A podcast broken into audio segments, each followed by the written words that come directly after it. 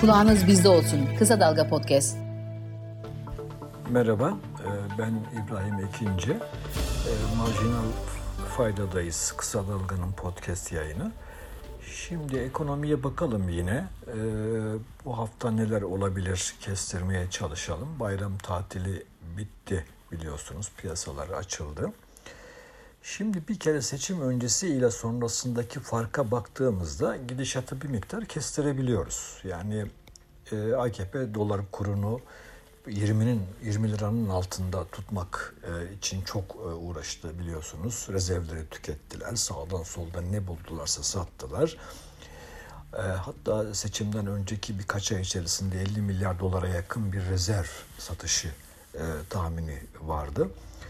Ee, ve tabii bu e, dövizin yani dolar kurunun özellikle 20'nin üzerine çıkmasını engellediler. Bununla seçime gittiler. Ee, tabii seçim öncesi zaten bu bir politika olarak da hani e, uygulandı. Hani ta Albayrak döneminden beri devam eden bir iş bu. Şimdi onunla tabii e, bu son e, aylarda hem enflasyonda baz etkisi de işledi. Biraz da dövizin tutulmasıyla beraber enflasyonu da biraz tutmuş oldular. Yani 85'lerde resmi enflasyon gözüken bir enflasyon yerine 40 civarında bir enflasyonla seçime gidildi ve düşüyor algısı da yaratılmış oldu böylece. Ama tabii hani bütün bunlar büyük maliyetli işlerle sağlandığı için bunun sonuçları seçim sonrasına bırakılmış oldu. Seçim bitti, ihtiyaç da kalmadı. Şimdi tabii işte o yüzden arka kapı satışları filan da bitirildi ve e, döviz kuru biraz serbest kaldı. Ve gördük ki e, işte örneğin dolar kuru 19,5'lardan 26'nın üzerine geldi. 4 hafta, seçimden sonraki 4 haftada aşağı yukarı %30 bir artış söz konusu. Şimdi bütün bunlar e, e, niçin yapılıyor? Hep söylüyorum e, döviz arıyor yani AKP hükümeti döviz arıyor. Yani rezerv yakarak filan bütün bu olanakların sonuna gelinmişti. Seçime kadar hani bir şekilde sürükleyip geldiler ama şimdi e, döviz döviz bulmaları gerekiyor. Dolayısıyla biraz dövizi, döviz kurunu yabancı paranın girme şartı olan seviyelere doğru yükselsin istiyorlar. Yani oraya kadar bir gelsin istiyorlar. Ben çok yükselmesinden bahsetmiyorum. Yani yabancıları Türkiye'ye yani sıcak paracıyı Türkiye'ye çekebilecek bir seviyeler arıyorlar. Zaten hani 26, 28, 30 gibi e, yabancı kaynaklı tahminler vardı hatırlayacaksınız. Kur kur açısından yabancılar için birinci şart, birinci koşul tamamlanmış oldu. Oluyor yani. 26 fena bir rakam değil. Ama e, sıcak paracı için iki şey daha lazım. Birincisi istikrar yani kur burada durmalı diyelim. Yani 26 liradan girip çıkarken 28 liradan dolar almak istemiyorlar. Hani değil mi? Yani şimdi o zaman faizden kazandığını kur artışından geri vermiş olacaklar. O yüzden bir de ne istiyorlar? Kur tamam yüksek olsun ama istikrarlı da olsun. Yani bir istikrar kazanmış olsun. Bunun için de hani Merkez Bankası'nın elinin güçlü olması lazım. Yani rezervlerin de olması lazım. O yüzden son zamanlarda Merkez Bankası rezerv biriktirmeye de yöneldi. Çünkü hani orada istikrar hani bir çıkarken dolara ihtiyaçları olduğunda dolar bulmaları lazım. İkincisi de Merkez Bankası'nın yabancı 26'dan girdiyse o arada kurun 28'e gelmesini önleyecek bir cephanesinin olması lazım. Dolayısıyla rezervlere de bakıyorlar. Bir de tabii en önemlisi diğer şart, yabancı sıcak paracı için diğer şart yüksek TL faizleri.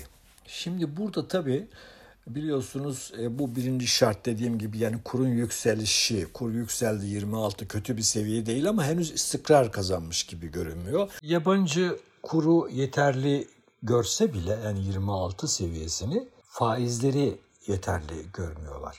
Yani e, Merkez Bankası Para Politikası Kurulu e, bildiğiniz gibi 8,5'tan 15'e çıkardı politika faizini. Bu 15 yeterli bir faiz değil sıcak paracı için. Dolar borçlanırken %10'a yakın faiz veren bir ülkeye TL'ye %15 faizle girmek pek akıl karı değil yabancı için. Dolayısıyla biraz daha yüksek bir faiz e, kazanma e, potansiyeli e, vaat etmesini bekliyorlar. Yani böyle bir durum var. Şimdi e, rezervlerde biliyorsunuz bir miktar artış oldu. Onu da söylememiz gerekir. Müdahale zayıfladı. Hatta bitti. Yani pek e, arka kapı bu kamu bankaları üzerinden rezerv satışı olayı bitmiş gibi gözüküyor. Üstüne biraz biriktirme çabası da dikkat çekiyor. Yani Merkez Bankası'nın da piyasada alıcı pozisyona geçmesi gibi bir durum var. Aslında biraz kuru yukarı şey yapan da o aynı zamanda. Yani Merkez Bankası da döviz biriktirmeye çalışıyor. Sosyal medya üzerinden de bu e, Merkez Bankası bilançosunu iyi okuyan uzmanları da takip ediyorum ben. Onlarda da mesela e, onların yaptığı tespitler 16-26 Haziran haftası yani bu bilanço biraz geriden geliyor çünkü. Aşağı yukarı 12 milyar dolara yakın bir rezerv biriktirdiği söyleniyor Merkez Bankası'nın. Yani net uluslararası rezervleri biliyorsunuz bu da eksiye geçmişti. Yani 5 milyar falan gibi bir eksi rakamdaydı bu. Burada bir rezerv biriktirme çabası olduğu anlaşılıyor.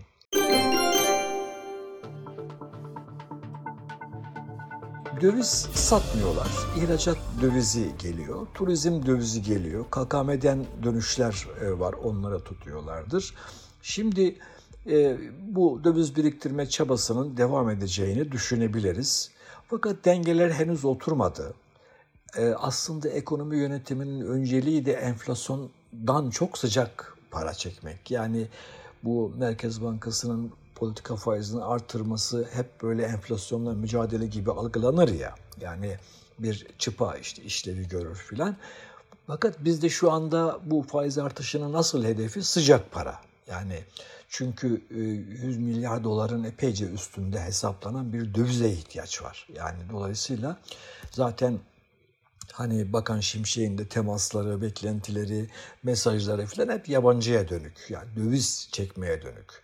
Yani Merkez Bankası faiz artışının odaklandığı yerde enflasyondan çok sıcak paracı. Şimdi önümüzdeki tablo kurun biraz daha yükselmesi. Dolayısıyla hani kurdan etkilenen e, enflasyon, e, geçişkenlik dolayısıyla enflasyon nedeniyle biraz zam yağmuru devam edecek gibi gözüküyor. Zaten akaryakıt tarafında izlemeye başladık bunu. Enflasyon biraz yükselecek. Yani bu da önümüzdeki tablo bu. Yani kur yükselecek, enflasyon yükselecek, e, faiz yükselecek. Merkez Bankası da faiz artırmaya devam edecek. Mesela önümüzdeki e, para politikası kurulu toplantısında belki 5 puan daha gelebilir. E, piyasa faizlerinin yükselmesi söz konusu olacak. Çünkü enflasyon yukarı döndüğünde faizler de yukarı doğru hareket edecektir. E, talep yavaşlayacak biraz çünkü faizler yükseldi biliyorsunuz. Bu kredi kartı e, harcamalarında faizleri yükseldi. Ticari kredi faizleri yükseliyor. Dolayısıyla her iki tarafta da biraz e, talep biraz yavaşlayacaktır. Konut fiyatlarında belki belki bir yavaşlama hissediliyor efendim. Ekonomide bir bütün olarak bir yavaşlama tablosu izleyebiliriz gibi görünüyor. Merkezi yönetim bir yandan da gelir yani yaratmaya çalışıyor. Çünkü önümüzde seçimler var bu seçimlerle ilgili harcamalar, vaatler bütün bunlar kaynak ihtiyacı doğuruyor. İşte borçlanma bir yandan, bir yandan vergi artışları, varlık satışı gibi seçenekler masada. Bu varlık fonundaki şirketlerin satışıyla ilgili bir söylenti dolaştı. Bunu yalanladılar ama tabii yalanlamanın çok bir esprisi yok. Yani sonuçta bu şirketleri zaten varlık fonuna alın, alınma nedenleri nedenleri buydu. Yani yapılandırmak, işte bilmem onları teminat gösterip borç bulmak, gerekirse satmak. Çünkü orada hakikaten yani Türkiye'nin en önemli şirketleri şu anda varlık fonunun bünyesinde bulunuyor. Şimdi bir önemli sorun da şu, bizde ekonomi yönetimi henüz bir yol haritası çıkarmış ve açıklamış değil. Yani ekonomistler de olup biteni arkadan takip ediyorlar. Demin Merkez Bankası örneğinde söyledim. Yani aa döviz biriktirmişler diyorlar yani. Niye? Bilanço çıkıyor sonra oradan görüyorlar. Yani ha demek ki şöyle yapıyorlar filan. Yapmak istiyorlar. Yorumları yapılıyor. Oysa ki tersi olmalıydı. Yani beklenti yönetimi açısından da bu önemli. Yani bir yol haritanız var. Ee, nereye gitmek istediğiniz açık. Bunları kamuoyuna, yatırımcısına, tüketicisine deklare etmiş oluyorsunuz. Yani hem bizim yolumuz biraz e, e, karanlık, çetrefilli hem de şey var, e, yol haritası yok. Yani böyle bir belirsizlik var. Fakat şunu da söylemek lazım. Yani Türkiye'de ekonominin bütün alanları sorunlu. Dolayısıyla hani bir yeri düzeltmeye kalktığınız zaman diğer yerdeki sorunu da büyütebiliyorsunuz. Şimdi mesela faizi yükseltiyorsunuz enflasyonun çok altında filan diye. Ekonomi yavaşlıyor.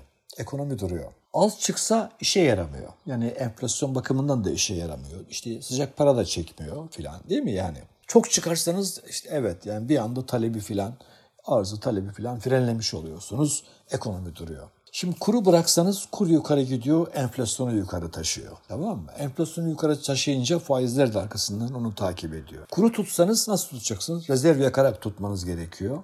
E, olan rezerviniz de oraya gidiyor. Dolayısıyla hani yani gördüğünüz gibi yani ne tarafa gitseniz diğer tarafta sorun yaratılıyor. Yani o yüzden burada bir dengeli, ince ayarlı bir e, yol haritasına ihtiyaç var. Yani bunu e, ekonomi yönetiminin yapması gerekiyor. İşte orta vadeli program falan açıklanacakmış, orada olacakmış falan ama hani oysa ki bugünlerde hani bunun çok çalışılmış ve yine ekonomi yönetimiyle beraber de kamuoyuna deklare edilmiş olması gerekirdi ve iyi de olurdu.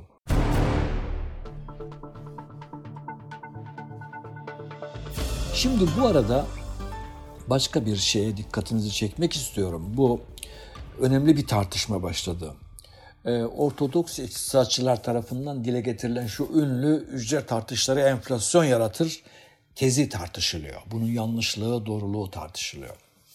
Hatırlayacaksınız belki paylaşmıştım sosyal medyada da görmüş olabilirsiniz. Ben de bir önceki yazımda ortalama bir evin kirası etmeyen asgari ücret yerine azami karları mı tartışsak başlıklı bir yazı yazmıştım. O tartışmaları biraz özetlemek amacıyla.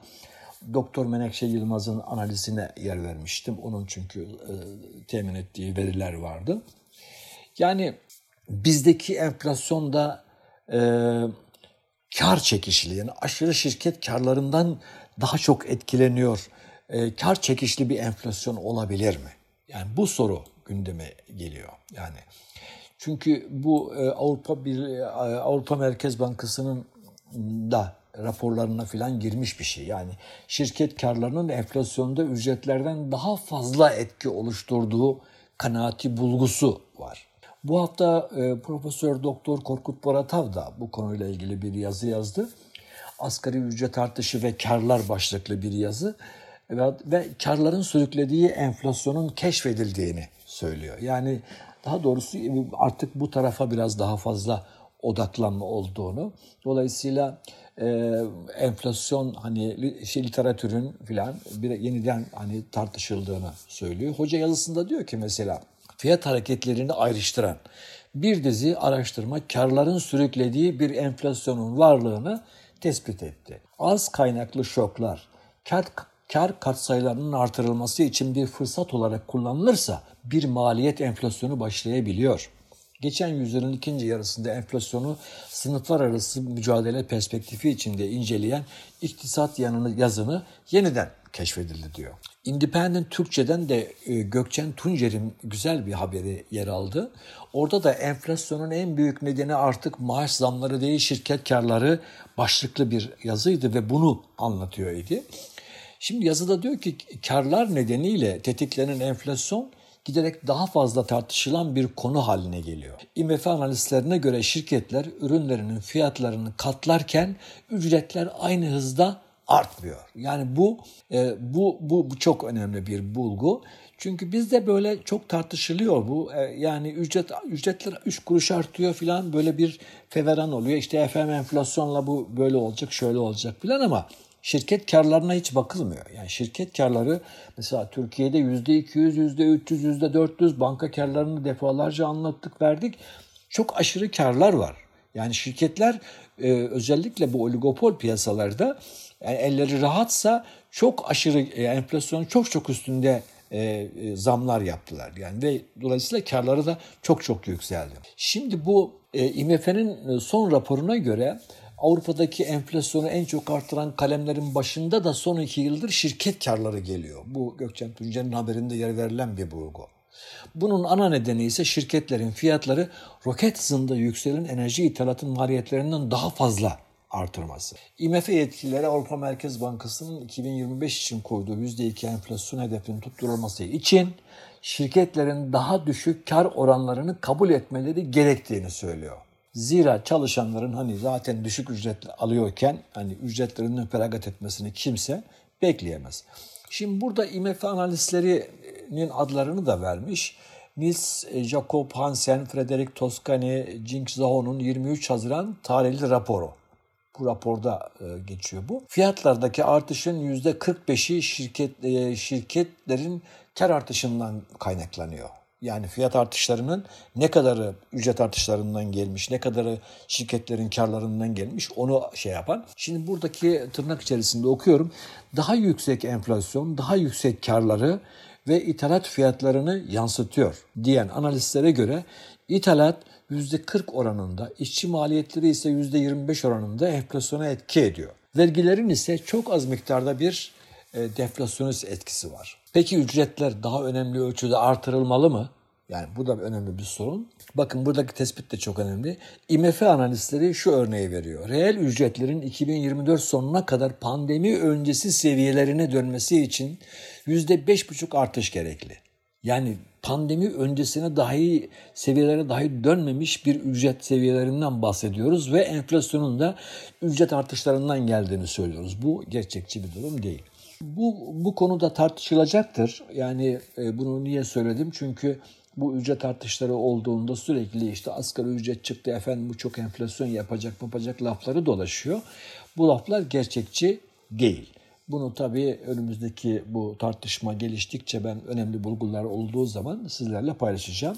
Bu hafta bu kadar. Kendinize iyi bakın. Hoşçakalın.